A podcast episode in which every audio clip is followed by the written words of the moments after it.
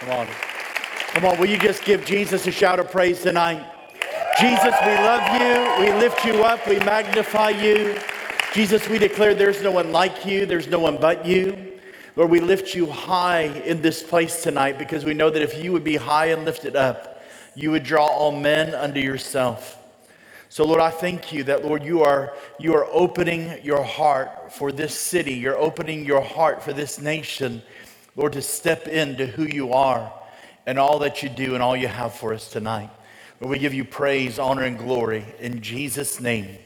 Amen. Amen. Well, you can be seated. And um, it's really great to be with you tonight. I really believe the Lord has something amazing for us. Uh, I, I think one of the things that marks uh, this church and, and the open heavens and all of those things for me is the presence of God. Does everybody love the presence of God?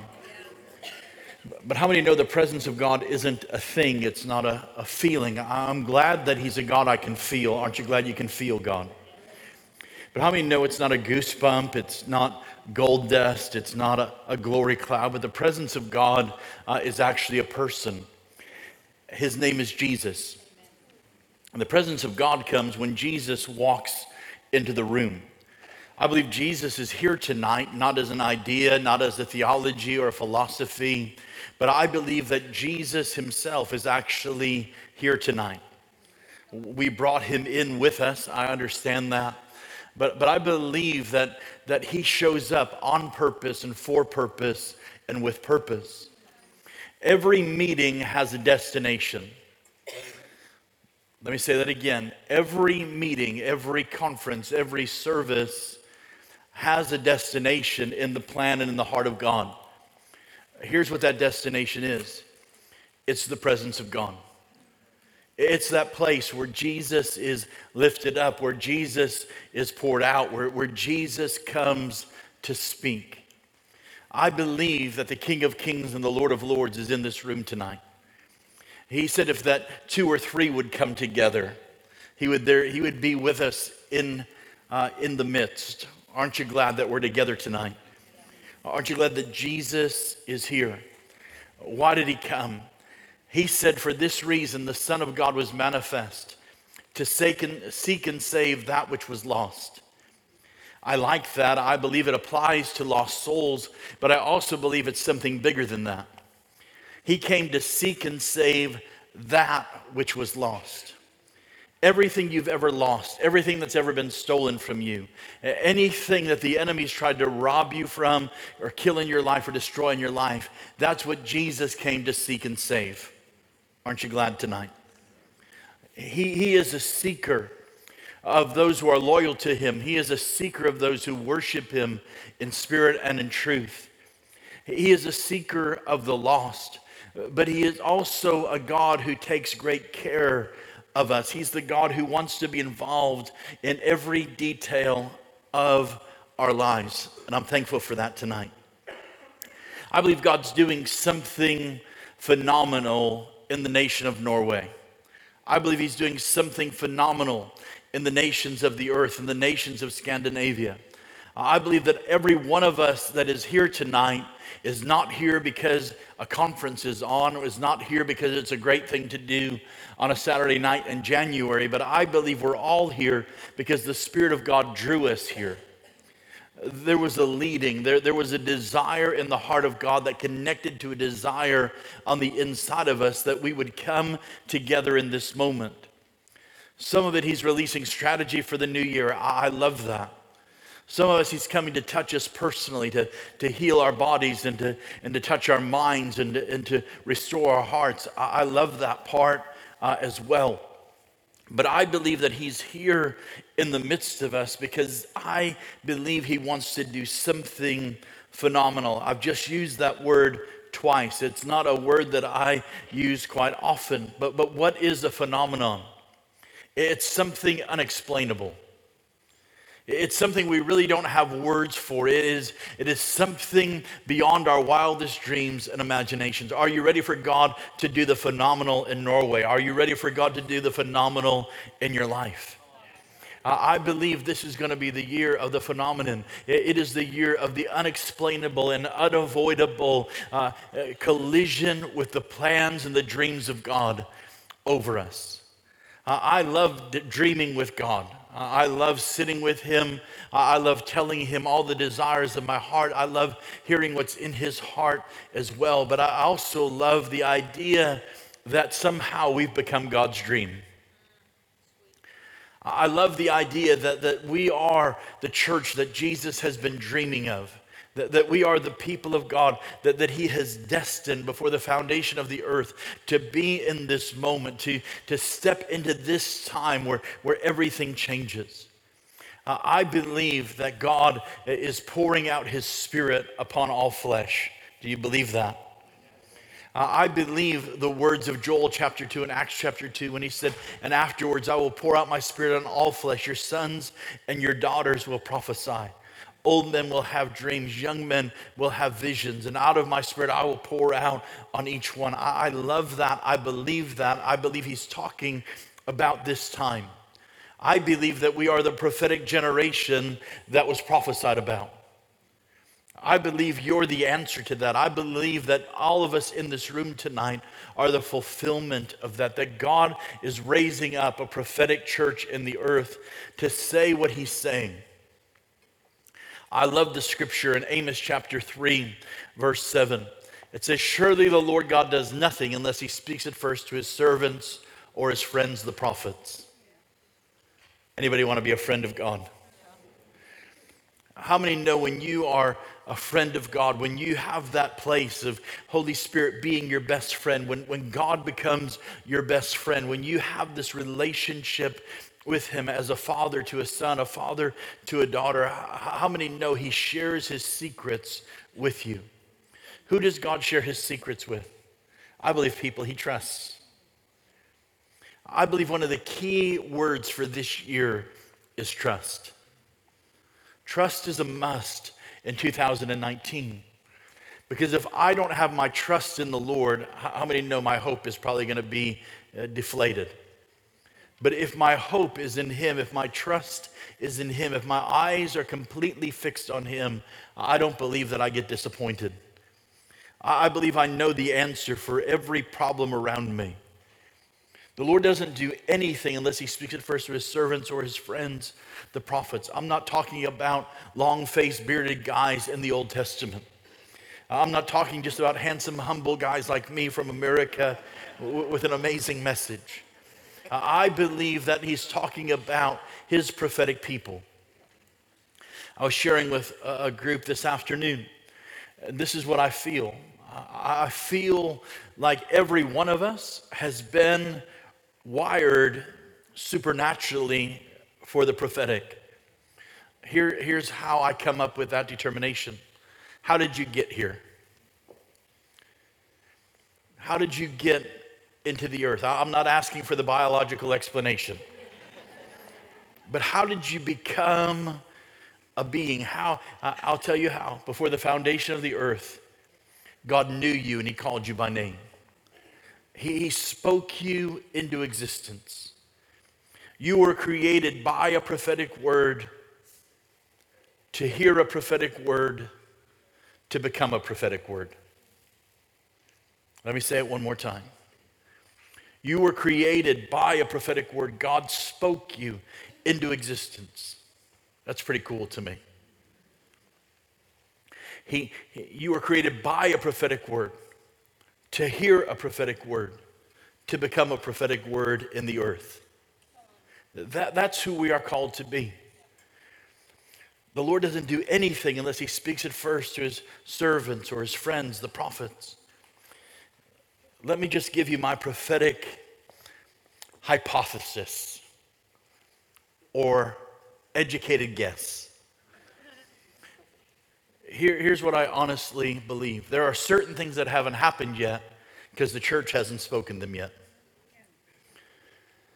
There are things that haven't been restored yet. There are miracles that haven't happened yet. There are salvations that haven't come about yet. There are, things that have not been done yet simply because we haven't spoken what God is saying in the moment. Come on, I believe with all my heart God wants to fill our mouths with His Word. One of the greatest honors of my life is to be a friend with a, an amazing woman named Heidi Baker. And I met Heidi in 2006. My friends had invited her uh, to do a meeting on their front lawn.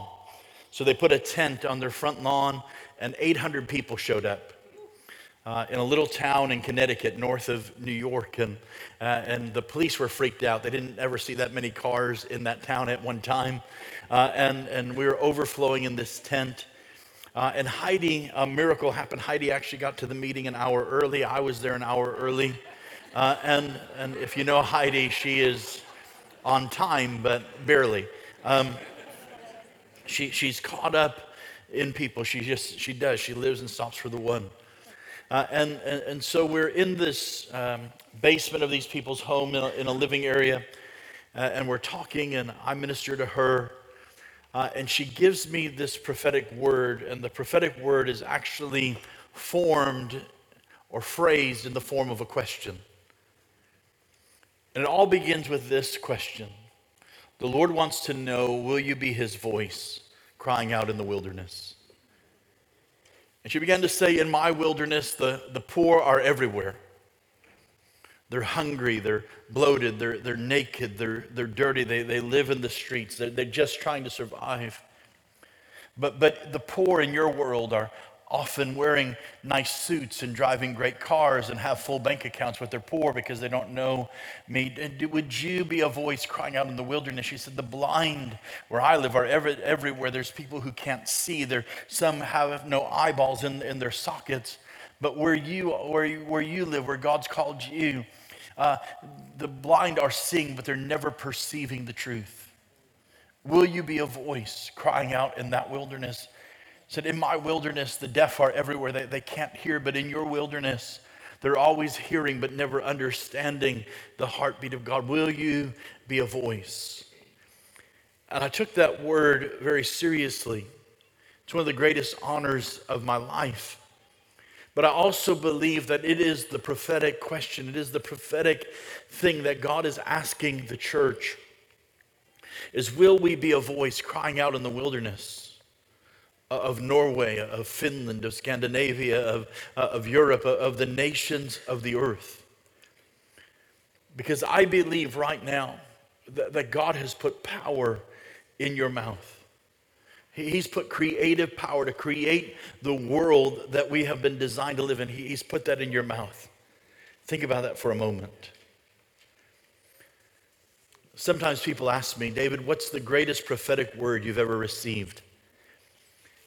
And the greatest prophetic word I ever received wasn't through great people like Bill Johnson and Heidi Baker and Randy Clark, although I've received great words from them. The greatest prophetic word I ever received came from a homeless man in Denver, Colorado in January of 2012. I'd come out of a church meeting about midnight, it was snowing. And as I was coming out to walk to the car with the pastor to go back to the hotel, this man is is walking very fast towards us in the parking lot. And he begins to start, he starts screaming, and this is what he starts screaming Who's David? Who's David? Who's David? And so I pointed to the pastor because I didn't know the guy. I thought he might be crazy. Um, but as he got closer, I, I owned it, and uh, he had all of his belongings, his, his sleeping uh, sack, and everything was just wrapped up. All of his stuff was on him. And uh, I said, I'm David. And he said, My name is Isaiah. And he said, I was sleeping under the bridge over there by the Platte River. And as I was sleeping, he said, The Lord woke me up and told me to come here and give you this word. He said, he said he gave it to four people in the church tonight, but they were too chicken to give it to you.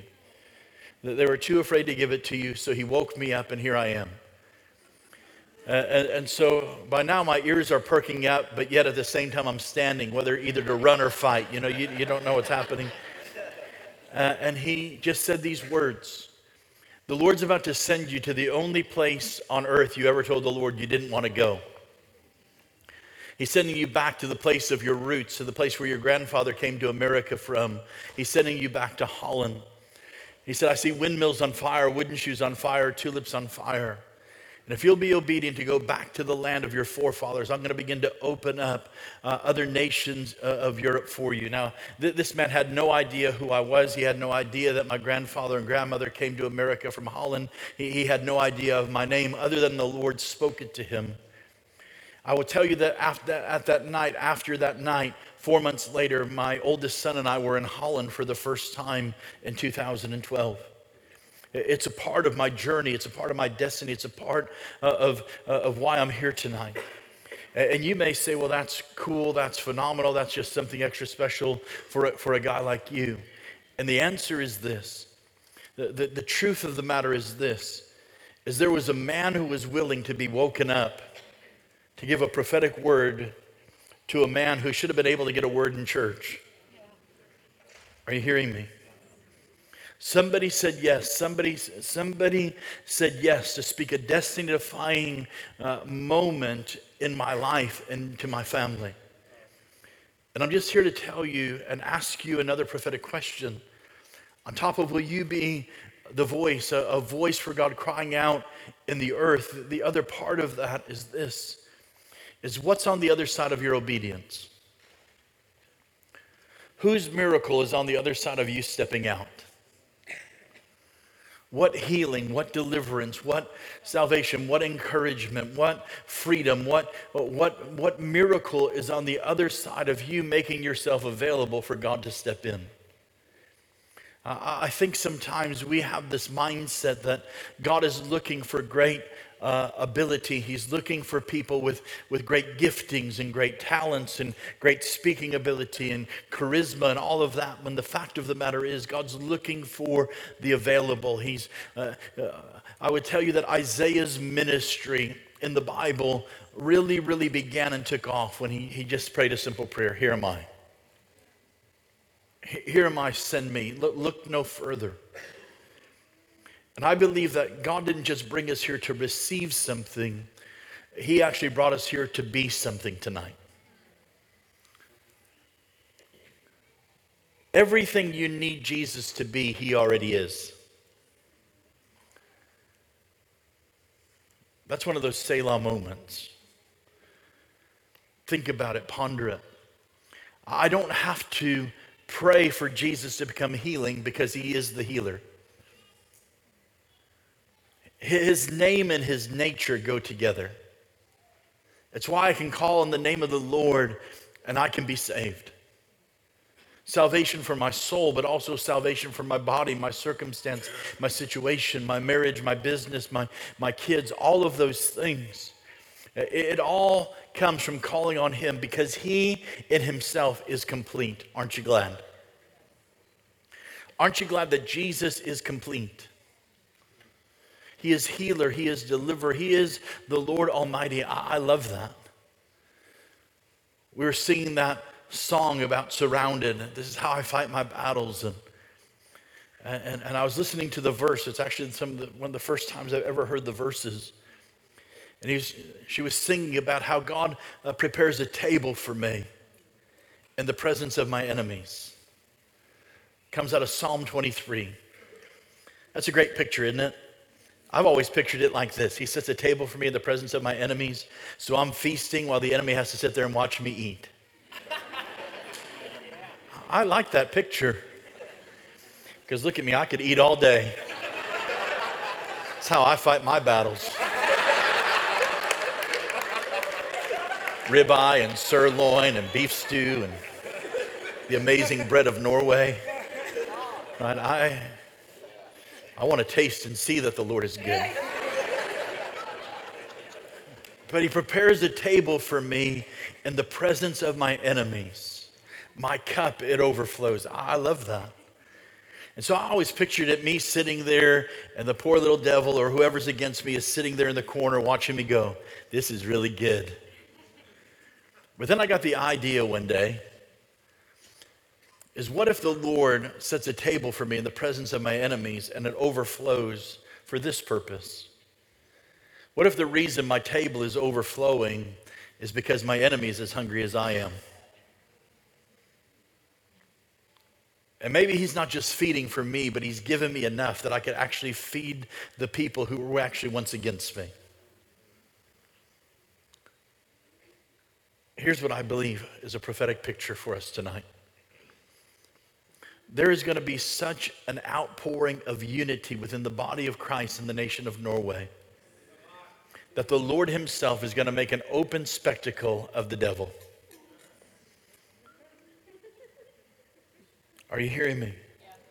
People that were once in competition with each other, church to church, uh, movement to movement, denomination to denomination, God is bringing to the table.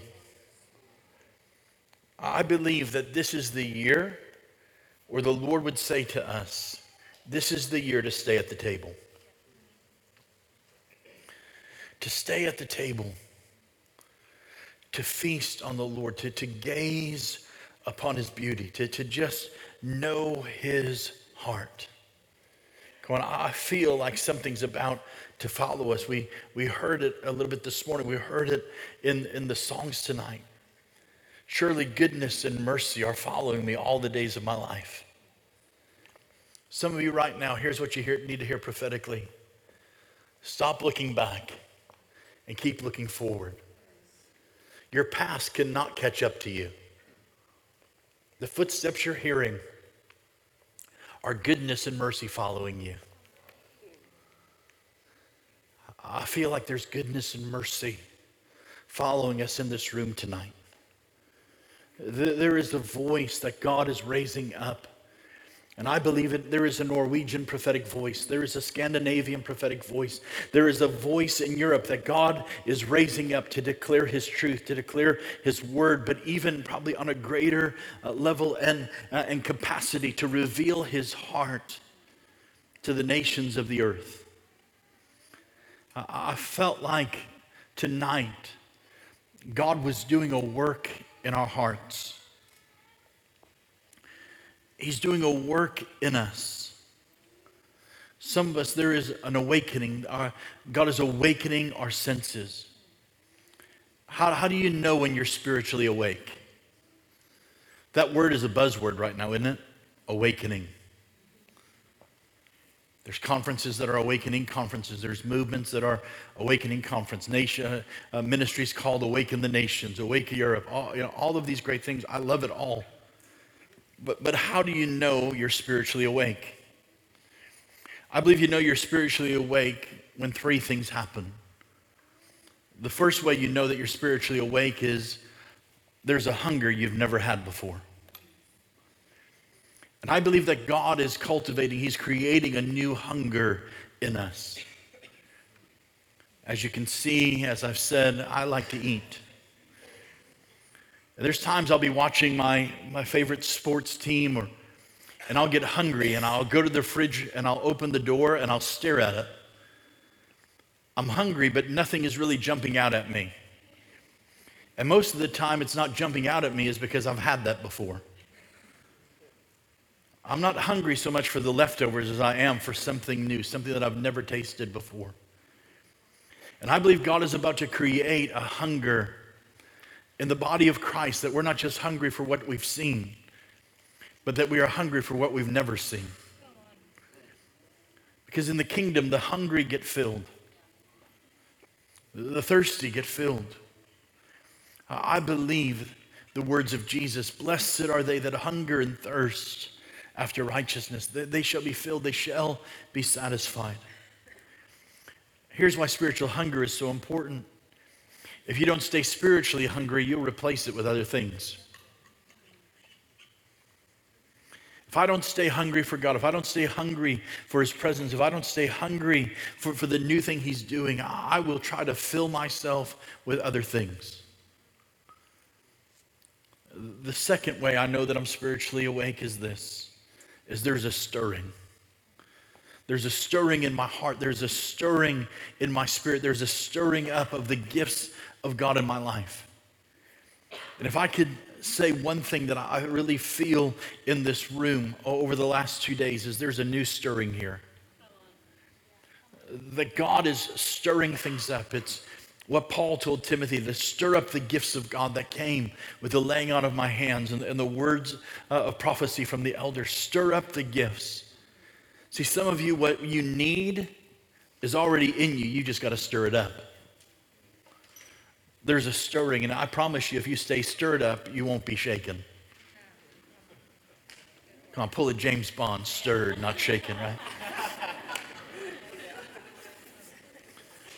And the third way you know you're spiritually awake, it's this there's an urgency you've never had before. God's not in a hurry, but there's an urgency. There's an urgency because of lost souls. There's an urgency because of what he wants to do in the earth. Any of this making sense? With that being said, anybody being awakened tonight, there's an awakening happening on the inside of you. He's waking us up so that we could be a part of seeing what the world has never seen, of being what the, the world has never been. I was reading this last night in Matthew 10 and 23. It says, If you receive a prophet in the name of a prophet, you'll receive a prophet's reward. If you receive a righteous man in the name of a righteous man, you'll receive a righteous man's reward. I, I love those pictures, I love those words. But I, I've just gone through it over the holidays and I've discovered something I've never known before. That word received actually means two different things. In that scripture, received is, is spoken about four times, is, is, is said four times, but it means two different things. One way we receive what God is doing, we receive the kingdom. It, it, talks about embracing. You, you actually hug it out. You actually grab your arms around it and you pull it in close. I like that. And most people, that's how we would approach prophecy or the word of the Lord.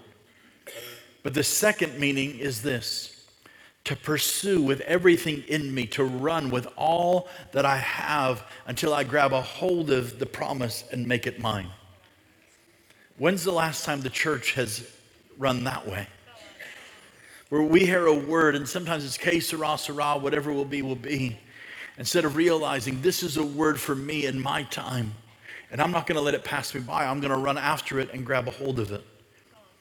Are there any people in this room that are willing to go tonight to grab a hold of what God is saying? Willing to go at whatever length, God, whatever it costs me, whatever it is, Lord, that's what I want to receive. I believe that Lord is releasing uh, an anointing upon us for this purpose. This is the hour of confrontation. If you're like me, you don't like confrontation very much.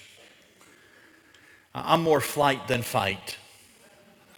This, this is too pretty to get punched. Are you hearing me? like, I would rather, you know, I would rather try to just make peace.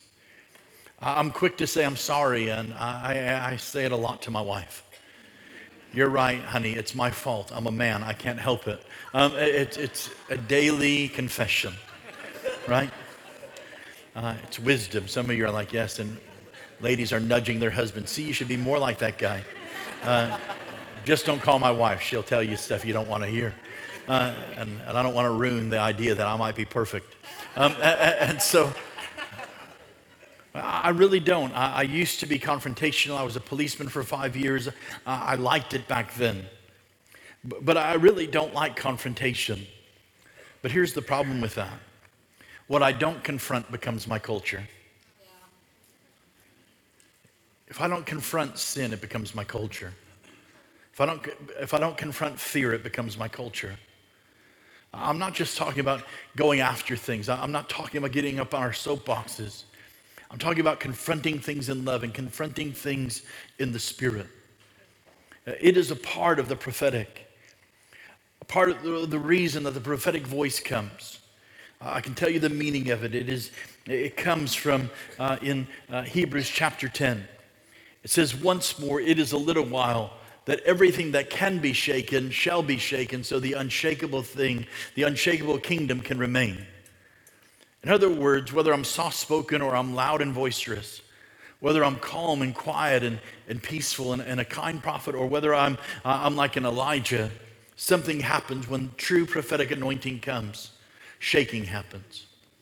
Here's why the job of the prophet, the job of the prophetic is to shake everything in you that's not like him. It comes to shake sickness off. It comes to shake people awake. It comes to, to shake us out of lukewarmness. It comes to shake those things that the world and the enemy have tried to put on us. It comes to shake those things off of us. And I'm here to tell you tonight that some things are about to shake. I, I believe that sickness is going to shake off of people tonight. I believe some of you, your miracles about to shake loose and, and fully come upon you tonight. I'm not just saying it, I'm not just preaching it, I'm prophesying it. I, I absolutely, positively believe it with all that I am and all that I have. If you read through the Old Testament, you, will see the, the, the, the, prophets and prophetic people flowing in miracles. And here's what I, I felt like the Lord said to me tonight that you're about to see prophecy and power, prophetic, the prophetic and power flow through the streets of Norway. That God is marrying the prophetic ministry and the healing ministry together. Why? The Bible says in Psalm 107, He sent His word and healed them. There's something about saying what God is saying. I wonder what would happen if we started doing Holy Spirit drive-bys driving through neighborhoods, driving down the street, and we just release salvation in that house, restoration in that house, healing of that marriage in that house. We release blessing upon that business. I wonder what would happen if we started saying what God was saying. I believe that God would make this place an epicenter of hope and healing. He would make this city and this nation an epicenter of hope and healing for the nations to come to.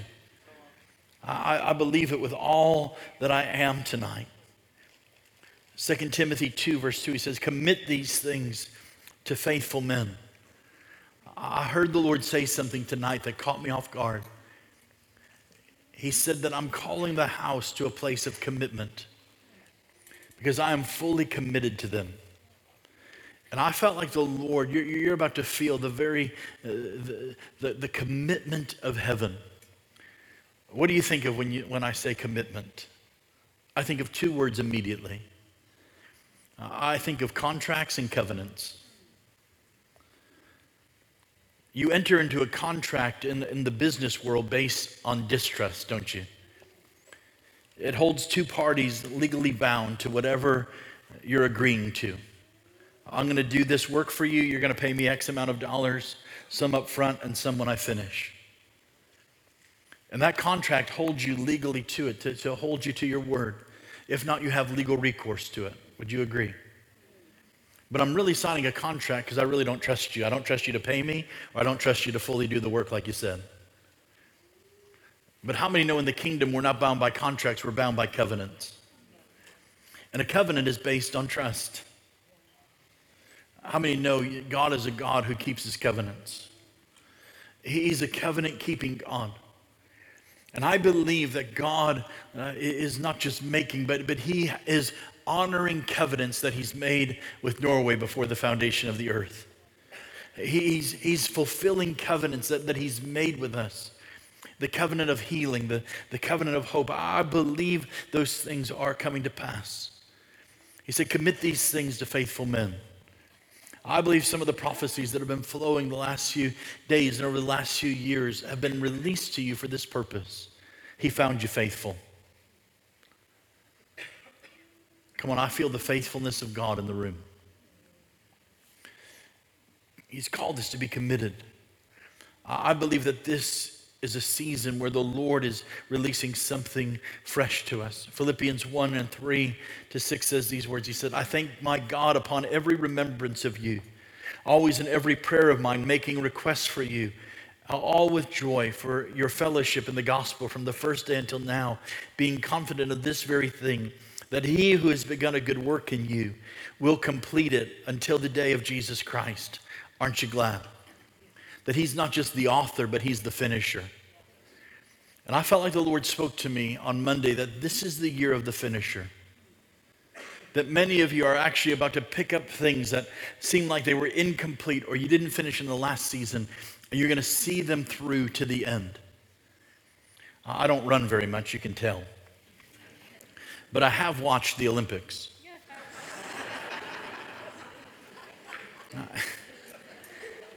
And something happens in some races I've noticed that the starting line is also the finishing line. If you watch them do relays, that oftentimes the, the, the, same place you start is the same place you finish. It, it comes full circle. And some of you right now, God is about to release a new baton in your hand.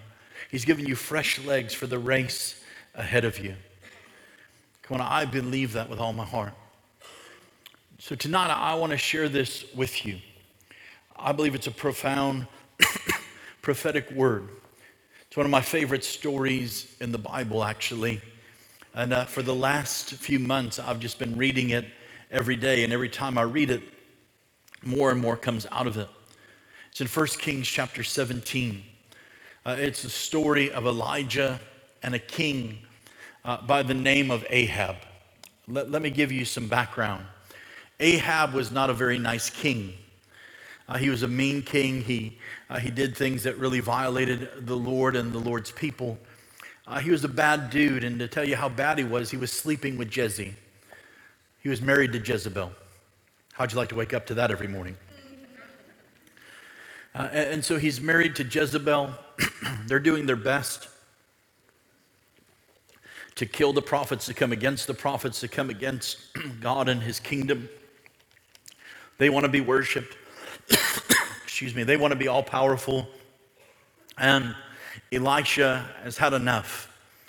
In 1 Kings 17, verse 1, it says, And Elijah the Tishbite of the inhabitants of Gilead said to Ahab, As the Lord God of Israel lives, before whom I stand, there shall not be dew nor rain these days, except at my word. Now, if I'm Elijah and I have this word for a king who has the ability to cut my head off, put me in jail, beat me, flog me, all of those things, I think I would send that word via text message, Facebook Messenger, or like Donald Trump, Twitter.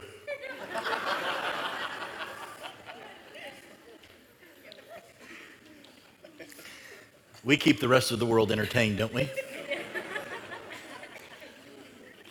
I would tweet this word. I, I, would send it via the post of, of mail that actually gets delivered to the house so I had enough time to run. But but not Elijah. He, he's bold, he's brave, he's full uh, of confidence. The Spirit of God's on him. And he gives this word. And he just says, Hey, because you're wicked and you've done all of these decrees, I want you to know something. There's not going to be dew nor rain uh, except when I say so. How many know that's bold? He's obviously not talking about this city.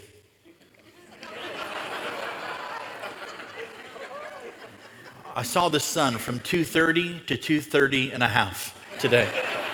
It peeked through. It, said, "I'm here, but you can't see me most of the time," uh, and and so uh, it, it, tells me that the, the, the rain is being poured out on on the righteous in Stavanger. Amen. Uh, and so he, he said, it's not, it, there's going to be no dew nor rain. He's basically saying, you're going to be in huge trouble. There's going to be a drought. All of your food's going to dry up. People are going to begin to die. Famine disease is about to come to you. And uh, there's nothing you're going to do about it until I say so. How many know if you say something like that to a king, you better be hearing from God? And he says those words, and all of a sudden, he gives that word from the Lord. Then listen to these words. Then the word of the Lord came to him, saying, Let me explain something to you. There are moments when the word of the Lord comes to you. Last night, this morning, tonight, as I've been talking, the word of the Lord's been coming to you. He's sending his word to you where, where you are at. There are moments in our lives, there are moments in our walk with God, there are moments in our history with Him, moments as a church where the word of the Lord will come to, to us. Then the word of the Lord came to him, saying, Get away from here and turn eastward, and hide by the brook Cherith, which flows into the Jordan. And it will be that you shall drink from the brook, and I have commanded the ravens to feed you there. What a crazy prophecy. But the word of the Lord comes to Elijah to say, hey, you just gave this word, but this word's about to affect you in more ways than you even realize. The drought you prophesied is going to affect your life. Ahab is after you, so you better get out of here. And he tells him exactly where to go. I want you to go to the, the, the brook Cherith. I want you to go there. You're going to drink from the brook. And here's the crazy thing I'm going to send birds of prey to feed you. They're going to share their meat and their bread with you. How many know you, you would have to have a trust relationship with God to receive that word? Because I have never seen a raven, an eagle, a, uh, or any other bird of prey share their meal with anybody. It's a cool word. So listen. Then it says these words So Elijah went and did according to the word of the Lord. Sometimes the word comes to you, but then you've got to go to the word. Is this translating all right? Sometimes the word comes to me, but then I've actually got to move towards what God is saying. Tonight, I'm asking you a prophetic question. Are you willing to move towards what God is saying, even if it's uncomfortable? Are you m- willing to move towards it, even if it's unknown for you? I've discovered something. I've actually prayed this prayer numerous times over the last 22 uh, years of walking with God. Lord, I want whatever you have for me, even if I don't understand it. There are things in this word, there are things that come to me from the Lord that I don't fully understand, but I trust his voice. And I'm telling you right now that this is a season where the word is coming to you, but we've also got to step and go to the word. And go to the word. So he went and did according to the word of the Lord, for he went and stayed by the brook Cherith, which flows into the Jordan. And the ravens brought him bread and meat in the morning, and bread and meat in the evening. And he drank from the brook. Can you imagine that? Pretty amazing, isn't it? He's got his folding chair. He's probably got a little caravan now along with him. Palm trees blowing in the wind. He's probably got one of those little coconut cups with, you know, an umbrella drink in it. And he's getting, you know, water from the brook and he's, he's hanging out. And he's like, pretty cool. You know, nine o'clock in the morning, the ravens come and bring me some bread and meat. And then I chill out here with the Lord. We, we chillax. He talks to me. We're hanging out. And five o'clock at night, here come the ravens again. I don't have to do anything. Sounds like a pretty cool deal, isn't it? Especially if you're a man. Uh, you're, you're, just like, wow, this is awesome. Uh, he's got his feet in the water. It's like, cool. All this stuff happens automatically for him. And then it says these words. And it happened after a while that the brook dried up because there had been no rain in the land. Guess what happened? The word caught up to him. The word caught up to him. It also tells me this there are places that the Lord brings me to in my life that sustain me for a season, but it's not my ending place. There are places that are transitional in my life. There are many of you that have passed through this last year and you knew what it was like to be at the brook where you were drinking the cool water and provision was coming to you and it seemed effortless. And all of a sudden, maybe those wells began to dry up financially or in your family, or you feel spiritually dry, or sickness happened, or life happened to you. And it's like, Lord, the, the, everything has dried up around my life. You have a choice to either engage the promises of God and keep moving with God, keep building history with God, or throw a pity party and stay where you're at. I believe that we, as the body of Christ, I believe the church in Norway uh, is in one of those transitional places. That what used to feed us and fill us and excite us and, and sustain us in the last season is not what is going to fill us and sustain us in the next season. Some of you right now, you're in that place where the brook dried up because you were never called to live there, you were just passing through there. And God wants to take you from now, from transition to transformation. Some of you right now are in a place where God, if you will allow Him to bring you through the process, you will go from transition to transformation. Come on, I believe that I'm prophesying to many of you in this room tonight. And so the brook dried up, and it happened after a while that the brook dried up because there had been no rain in the land. Then the word of the Lord came to him, saying, the word came to him. He went to the word, and now the word comes back to him again. Can I tell you something? God has a word for you in every season of your life. And sometimes it's the still small voice, and sometimes it's like the thunder, and sometimes it's that, like, hey, move from here, get, get going now. And sometimes it's the voice of a trusted friend or a father saying, Come on, take me by, I'm going to take you by the hand, and we're gonna we're going to keep moving. And he said, Arise and go to Zarephath, which belongs to Sidon, and dwell there. See, I've commanded a widow there to provide for you. How many know he's built a trust with God? The last time you told me, Lord, you led me to a brook and it was cool, and ravens fed me.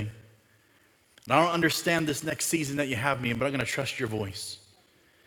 And he begins to move, and he, he goes to Zarephath, and he, he gets there, and this is very interesting to me. See, I've commanded a widow there to provide for you. So he arose and went to Zarephath.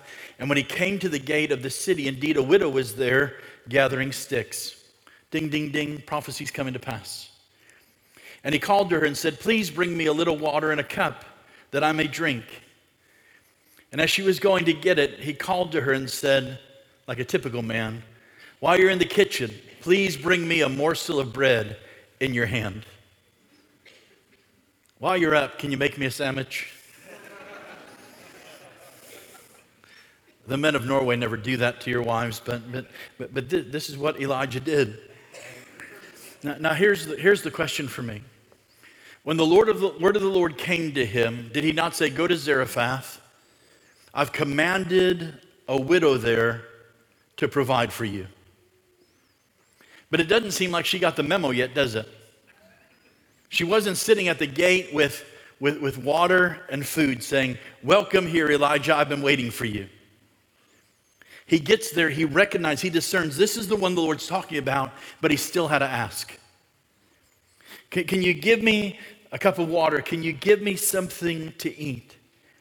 And so she said, As the Lord your God lives, how many know words matter? She didn't say the Lord our God. She didn't say the Lord God Almighty. She said the Lord your God. She's saying, I'm a, I'm a woman of different faith. As sure as the Lord your God lives, I do not have bread, only a handful of flour in a bin and a little oil in a jar.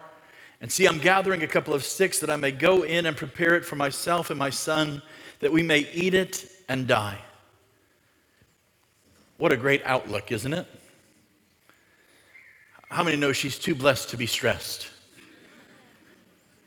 Like, like she is in this place of, man, I'm so filled with hope. I'm going to make a cake. Me and my son are going to eat it. We're going to die. It's over. It's, it's, she, she's at the end.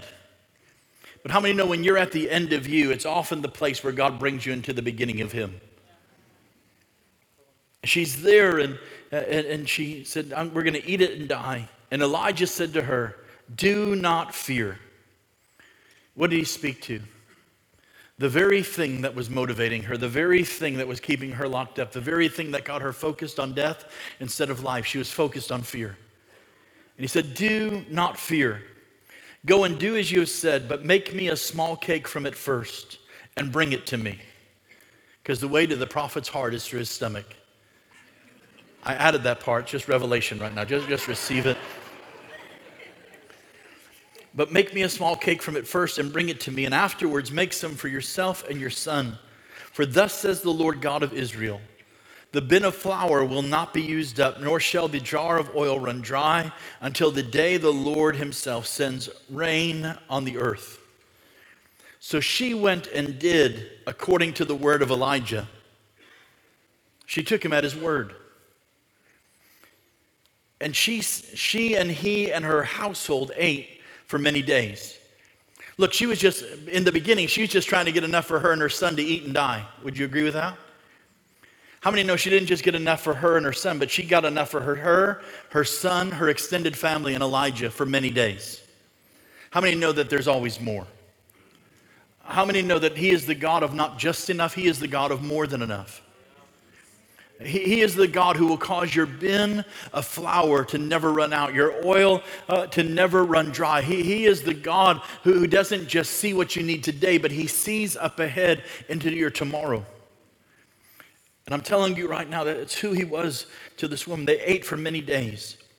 And the bin of flour was not used up, nor did the jar of oil run dry, according to the word of the Lord which He spoke by Elijah. Now it happened after these things that the son of the woman who owned the house became sick. Here's where I'm going tonight. How many know this woman received a miracle?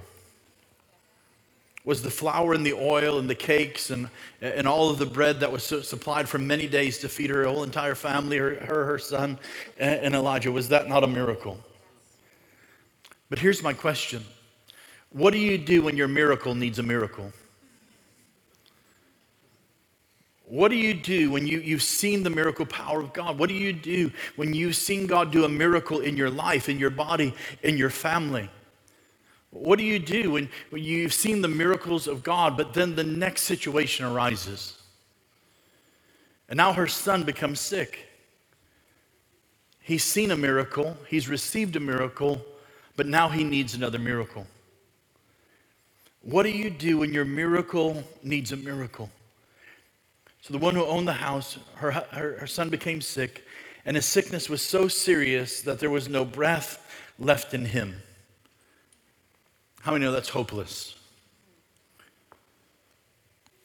There's hopeless. There's no breath in him. Let me give it to you in Norwegian. He's dead.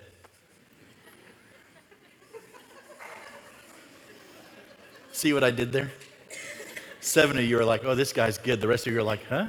Uh, and, and so I'm going to preach to those seven right now.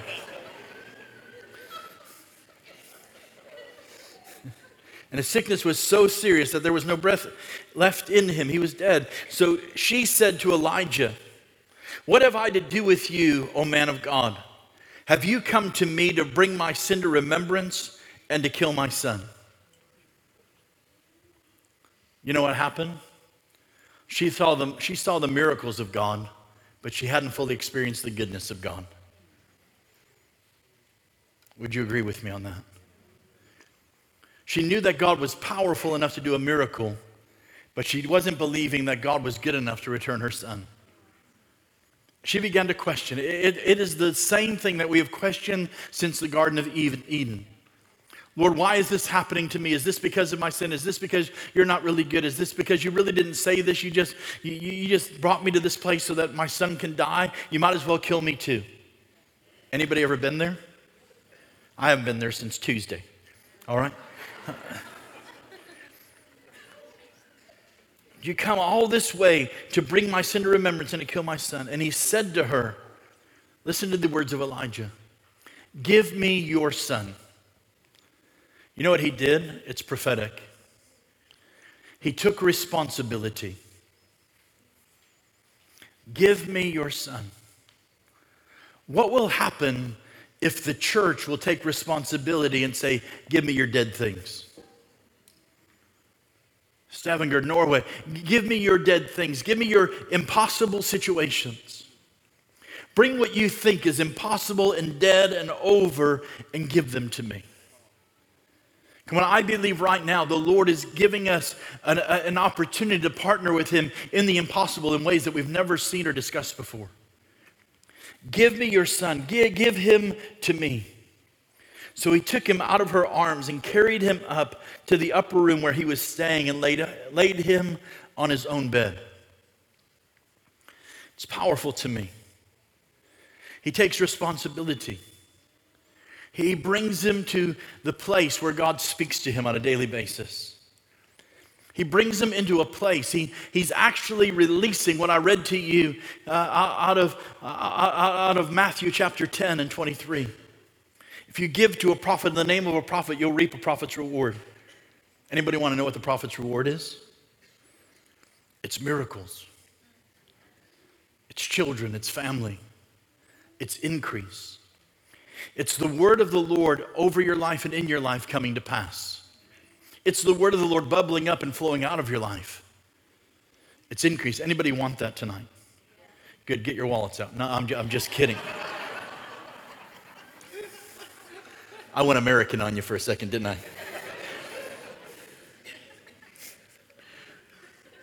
I surprise myself sometimes. It's, it's, so he took him out of her arms and carried him up to the upper room where he was staying and laid him on his own bed.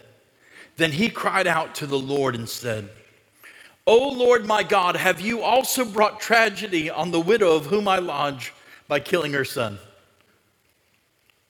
And he stretched himself out on the child three times and cried out to the Lord and said, Here's where I'm going tonight. Here's why the prophetic anointing comes. Here's why God wants to anoint you with the prophetic. Here's why He wants to use you supernaturally in healings and miracles and signs and wonders and prophetic ministry and words of knowledge and words of wisdom and discerning of spirits and, and all of those amazing gifts of 1 Corinthians 12. Here's why He wants to use you. The purpose of the prophetic to me is simply this it's stretching ourselves out over everything that's dead.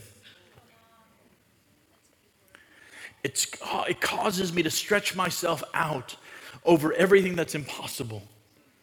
It allows me to become a bridge, a conduit, that, that place where God, that there's nothing else that anybody else can do. So I'm covering it. We live in a world where we want to expose everybody's weakness, but what will happen when the prophetic comes to cover it? To stand in that very place between life and death and speak life. If you don't get anything else I'm saying tonight, the Lord is stretching us. And He is anointing us to stretch ourselves out over every dead thing in the church, over every dead thing in the denomination, over every dead thing in this nation and in this generation and every circumstance and situation. What if that anointing of Elijah comes upon you? Maybe not so much tonight to call down fire from heaven, but to say, I will be stretched out over this dead thing. Will you be the one that God, that you allow God to stretch you so that something and someone can live? he said, Oh Lord my God, I pray that this child's soul come back to him. Then the Lord heard the voice of Elijah. See what just happened there? The word of the Lord came to him. Then he went to the Word. And out of this history and this partnership with God over this time and this season, it puts him in a position as he stretched out. You may say desperate, I say full of faith. And he stretched out and he cries out to the Lord, Lord, I pray that you would give, give this boy's breath back to him. He calls for the Spirit, that you would put his breath back in him. Listen to this. Then the Lord heard the voice of Elijah. I want to prophesy like that. I want to pray like that. I want to cry out to God and hear Him say, I hear, I hear you. Here's the answer. Here comes life. Here comes the miracle. Here comes the healing. Here comes the provision. Then the Lord heard the voice of Elijah, and the soul of the child came back to him, and he revived. I'm prophesying to you tonight that God is about to release his breath into his church all over Norway again. The voice of the, of the prophets and the preachers, the, the voice of the evangelists, the voice of many of us in this room. The Lord is about to hear you loud and clear, and He's about to answer, and the breath of God is coming back into things that were dead. The boy revived, and Elijah took the child and brought him down from the upper room into the house and gave him to his mother. And Elijah said, See, your son lives. Then the woman said to Elijah, Now by this I know that you are a man of God and that the word of the Lord in your mouth is the truth. Didn't happen with the flour and the oil what happened in that moment. She didn't just see the power of God or the glory of God, she saw the goodness of God. I'm prophesying to you tonight that Norway is about to see the glory of God and the goodness of God so connected. That there is a Moses moment coming to this nation. I love the, the story and, uh, uh, where, where Moses goes up to the mountain in Exodus 33. He goes up and he's in a little bit of trouble with God. And he addresses them kind of like this Lord, you know those people down there? Your people?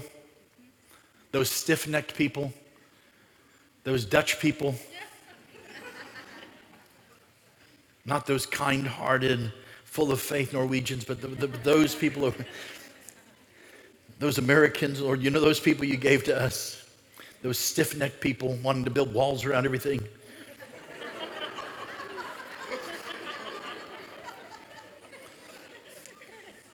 I'm not being political, I'm just being funny. Sometimes I speak by the Spirit, sometimes by jet lag, and you just have to discern which one. And, and come back, Holy Spirit, come back. You know those people, those stiff necked people, your people. And he's convinced that the Lord's going to wipe him out. But he has this change of heart, doesn't he? Lord, uh, if, you, if you found a thousand righteous, would you save them? And the Lord says, Yes. How about a hundred? The Lord says, Yes. How about ten? The Lord says, Yes. How about one? And the Lord says, Yes. And he has a change of heart in this dialogue. He goes up kind of in the place of judgment, but he encounters the justice of God. He encounters something in the heart of God for his own people. I think it's goodness. I, I think the love of God came down that day, changed his heart. I lived in a city called Pensacola. And Pensacola is a very religious city. It has more churches per capita than anywhere else on the planet. It makes the Guinness Book of World Records every couple of years for that. And um, now, some of those churches, you know, there's like 600 churches for 60,000 people. And some of those churches uh, only have 12 members, and 11 of those members have the same last name. But, but, but it can be pretty religious. And, and I remember one night doing what we do as leaders and elders. I was leading a prayer meeting and I was pacing back and forth. And because there's so many Christians and churches there, you have to be loud. Because if you don't pray above all the other Christians there, God can't hear you. You know, so so you know, we pulled the American Pentecostal thing, and there's there's pacing, and there's you know praying to the north, the south, the east, and the west, and and sometimes you're in a building without windows, so you're going north, south, east, west, northwest, southwest, east, west. Like you're, you're just confused, right? Uh, but but you're pointing, and you're doing all of these prophetic acts, and you're pacing, and and so my prayer was going like this: Lord Jesus, uh, Lord, I thank you right now for the city of Pensacola. Lord, you're going to give us this city. Lord, we're asking for this city. Give us the lost, the broken, the hurting, the sick, the down and out, the prostitute, those that other churches rejected, Lord, the addict, the, the tormented, the, affect, uh, the afflicted, God. Lord, in the name of Jesus, I thank you. You ask any, you said if I can ask anything in your name, you will do it. So, Lord, I'm asking for the city of Pensacola. Lord, give us the city of Pensacola. Everybody was, yeah, Wagner, that's the best prayer anybody's ever prayed in this whole church. It's awesome. Angels were singing the place, glory cloud filling the earth. I was covered in gold dust. No, no none of that happened. but I was loud. And because I was loud, everybody else was loud. And we thought because we were loud, we were doing something. It's kind of how Americans do when, when people don't understand English very well. We just start talking louder and slower, right? It's just how we do. Uh, and so this is what's happening in the prayer meeting. It, it's, and I crying out, Lord, give us the city of Pensacola. And all of a sudden, the Lord speaks to me. Want to know what he said? No.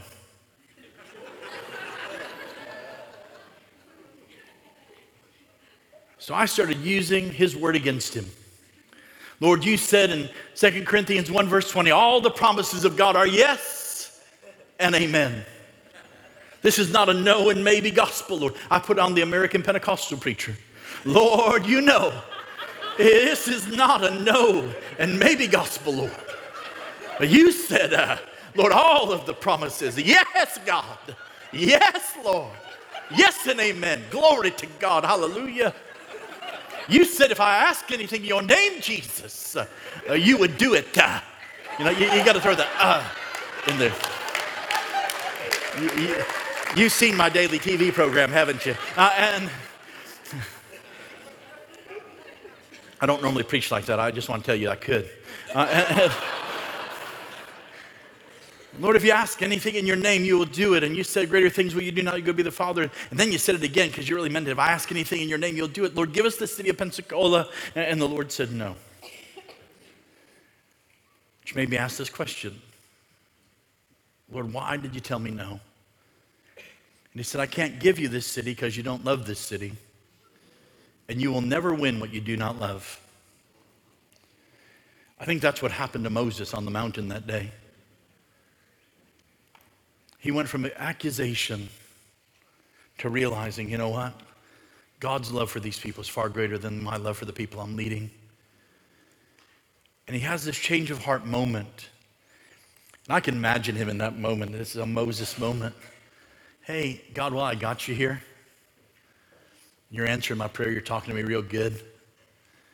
Will you show me your glory? And the Lord said, Nobody's seen my glory and lived. But if you'll hide your face in the cleft of the rock, I'll cause my goodness to pass by you. What happened when he removed his face from the cleft of the rock? It was glowing. Goodness passed over him, but glory shone upon him. You can't separate the goodness of God from the glory of God. But you won't understand the glory of God without understanding the goodness of God. And I'm telling you right now that God is going to cause the face of this nation to shine. Because you're about to know the goodness of God, the kindness of God, the glory of God, the faithfulness of God, the miracles of God, the power of God. And when this nation sees what God is doing in you, they will say, like this woman, Oh, by this I know. By this I know that you are a man of God, you are a woman of God, and that the Lord is really who He says that He is. I'm here to tell you right now that this is the year where God is about to put Himself on display. He's about to show forth His mighty deeds, He's about to show forth his marvelous acts.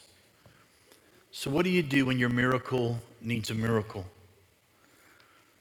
What do you do when you believe God? And in the midst of believing God, he, he causes His word to come a pass, your wildest dreams to come true. But in the midst of it, everything goes horribly wrong. What do you do as a woman who has kept yourself and believed God your whole life that, that, that Boaz would come. And Boaz comes, and eight years into marriage, he loses his job, falls in depression. He goes from Boaz to Brokaz.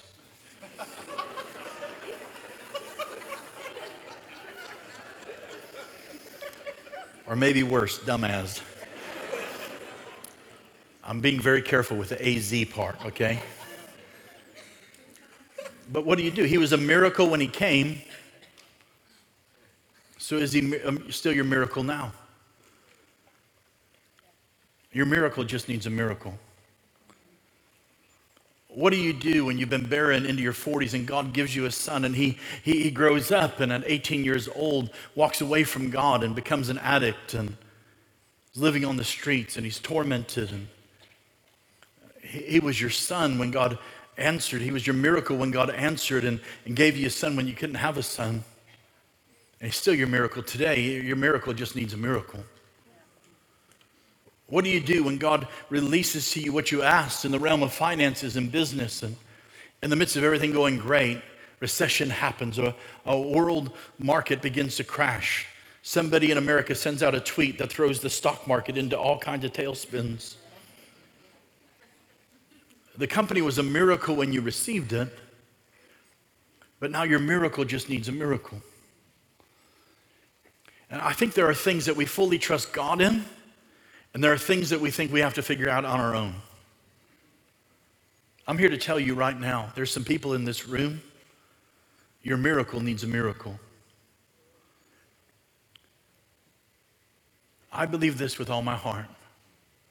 Miracles are simply what God does, and impossible is where He begins.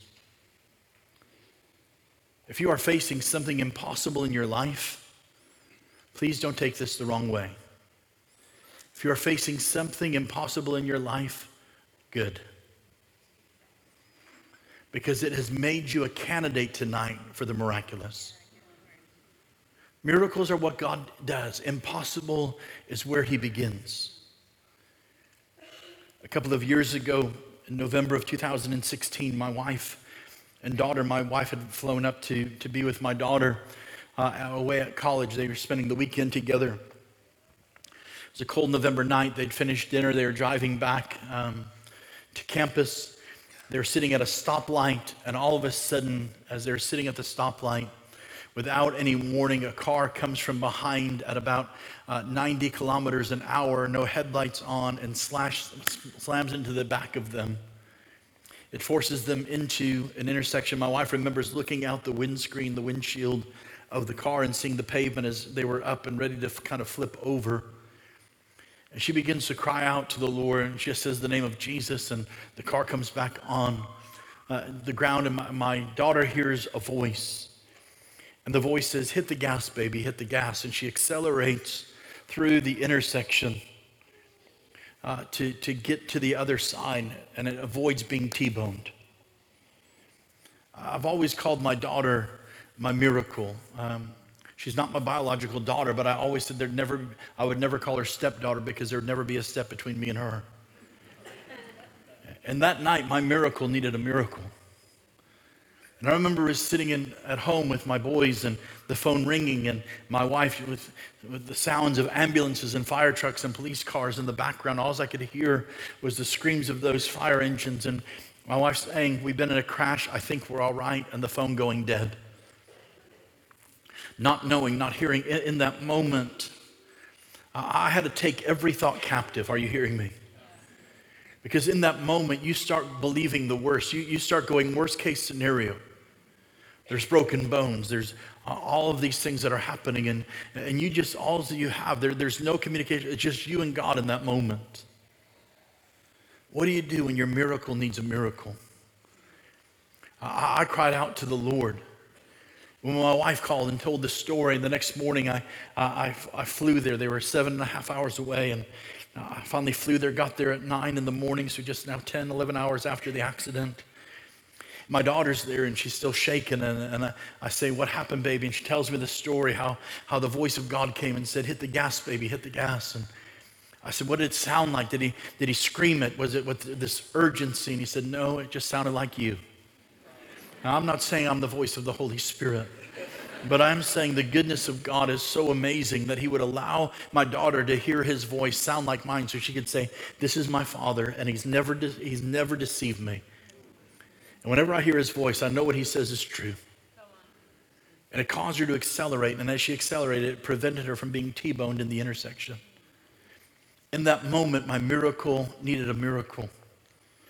A few uh, weeks later, we were at home. My wife and daughter were uh, we're out shopping, getting ready for our big Thanksgiving holiday, and I was watching the boys, uh, and and I got distracted. I was watching how you live your life vicariously on Instagram. I was watching and I was liking everything. Like, wow, that's a cool picture, and that's awesome, and look at that sunset. Oh wait, it, it doesn't have no sunsets there; it's just raining, uh, and. and, and And all of a sudden, the back door opens and, and Joshua comes screaming in the house. Caleb broke my freaking arm. He broke my freaking arm. And Dutch came out of him. You know, it's, it's that, um, that voice. And, and he's just, and I'm like, what happened? And they were wrestling, and Caleb dropped him, and he landed to brace himself, and his arm was all twisted, kind of like this. And, and I'm thinking, as a dad, I go into man mode. Do you ever go into man mode?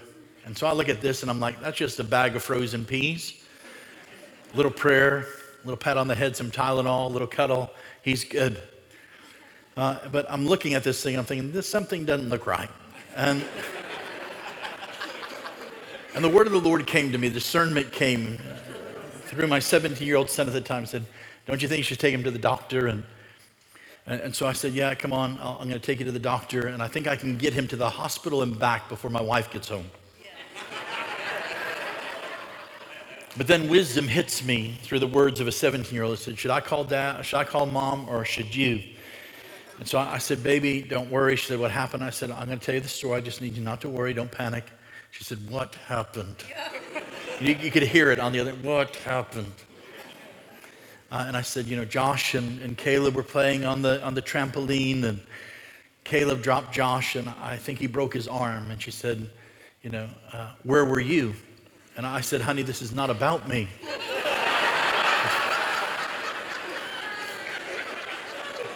this is about our son who's in a deal of pain. And we, we can sort all those things out like two years from now.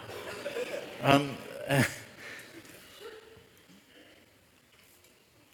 she said, send me a picture. I said, I, I can't text and drive. That, that's illegal and I said, I'm going to bring him to Sacred Heart Hospital. We're going to fix him up, and I'll be home in time for dinner. And she said, Oh, no, I'll meet you there because you're a man and you don't ask the right questions. Uh, and so she meets me there. We walk in. The doctor looks, the nurse, the triage nurse looks at him and goes, Oh. I don't think she was supposed to say that, but she moved us right from the waiting room back into the emergency room, into a place. And, and all of a sudden, doctors and nurses are coming in. They haven't done any x rays yet, but they start talking about, oh, yep, this is going to be surgery, and we need to get him kind of calmed down and sedated and painkillers and and all of those things. And I'm trying to calm him down. He's looking at me, he said, Dad, I'm not having surgery. I said, Oh, buddy, these doctors are great. You know, they see this all the time. They're going to take care of you. And, uh, and he said, No, you don't understand, Dad. I'm, I'm not going to have surgery. There's something about Josh you need to know. Every day of Joshua's life, I've called him one thing. I've reminded him every day. For 13 years and two months, I reminded him every day.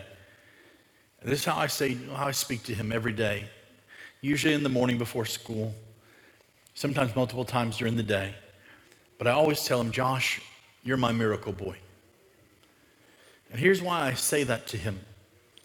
Because when he was born on November 1st, 2005, he was born with the cord wrapped around his neck and he came out not breathing. He didn't breathe for five minutes. And I prayed over him. I grabbed a hold of his feet and I, prayed and prophesied breath into him. And at the end of five minutes, when they were getting ready to kind of just push me out of the way and take him out of the room, he, he did something that surprised everyone in the room. He let out the loudest scream I ever heard. And in that moment, when my son took his, his first breath and he screamed, I made a covenant with God, not, uh, not before, but after. And I said, Lord, no matter how loud he gets, I will never complain about it. I regret that covenant. he, he is the loudest kid I got. He is full of, he's a dreamer, man. He dreams the dreams of God. He has this amazing faith. He, he, he said he wants to be an astronaut, an actor, and a preacher. And I don't know how all of that works in my theology, but it'll be a pretty cool, pretty cool thing. So every day of his life, I've just declared over, you're my miracle boy. So we're in the hospital and they're talking surgery and all this stuff. He said, Dad, I'm not having surgery. And I, I go into dad mode, I go into rational mode. And these guys do this all the time. And finally, they go for x rays, and sure enough, break below the elbow, at the elbow, and above the elbow. And an orthopedic doctor comes in and said, This is going to be, we're going to do a plate here and screws here. And and, all of this stuff. And he's going to have a cast, and you're going to have the things, the bolts outside, and all of that. And, and my son is going, Dad, I'm not having surgery. And so I go this way. I go, Well, son, you know, it's pretty cool. You're going to have stars, scars. You can make up your own story your whole life. Like, I had a fight with a grizzly bear. I wrestled a crocodile. I, you know, you, whatever you want. Be pretty cool. For, for a while, you're going to have a cast. All the girls will sign it. They may even put their phone number on there, dude. You're going to be the coolest kid in class cool, we, we got this. He said, Dad, you don't understand. I'm not having surgery. And the doctor's there and he's saying, We need to get him some morphine and we need to do this. And, uh, and he said, Dad, you don't understand. I'm not having surgery. And I said, um, I said, Calm down, son. You know, th- this is a great doctor. I'm sure he does these all the time. I said, Do you do these all the time, doc? He said, Oh, yeah, this is my fifth one today. And he said, See, Dad, I'm not having surgery. He's tired. And I said, Son, it's going to be all right. Your, your dad's never lied to you, son. Everything's going to be all right. And he reaches up with his unbroken arm and he grabs my shirt and he pulls me close to him. He said, Father? He's never really called me father. He's called me dad, pops. He's called me lots of things, but he never just called me flat out father. He said, Father, you look at me. And so I looked at him. He said, What have you called me every day of my life?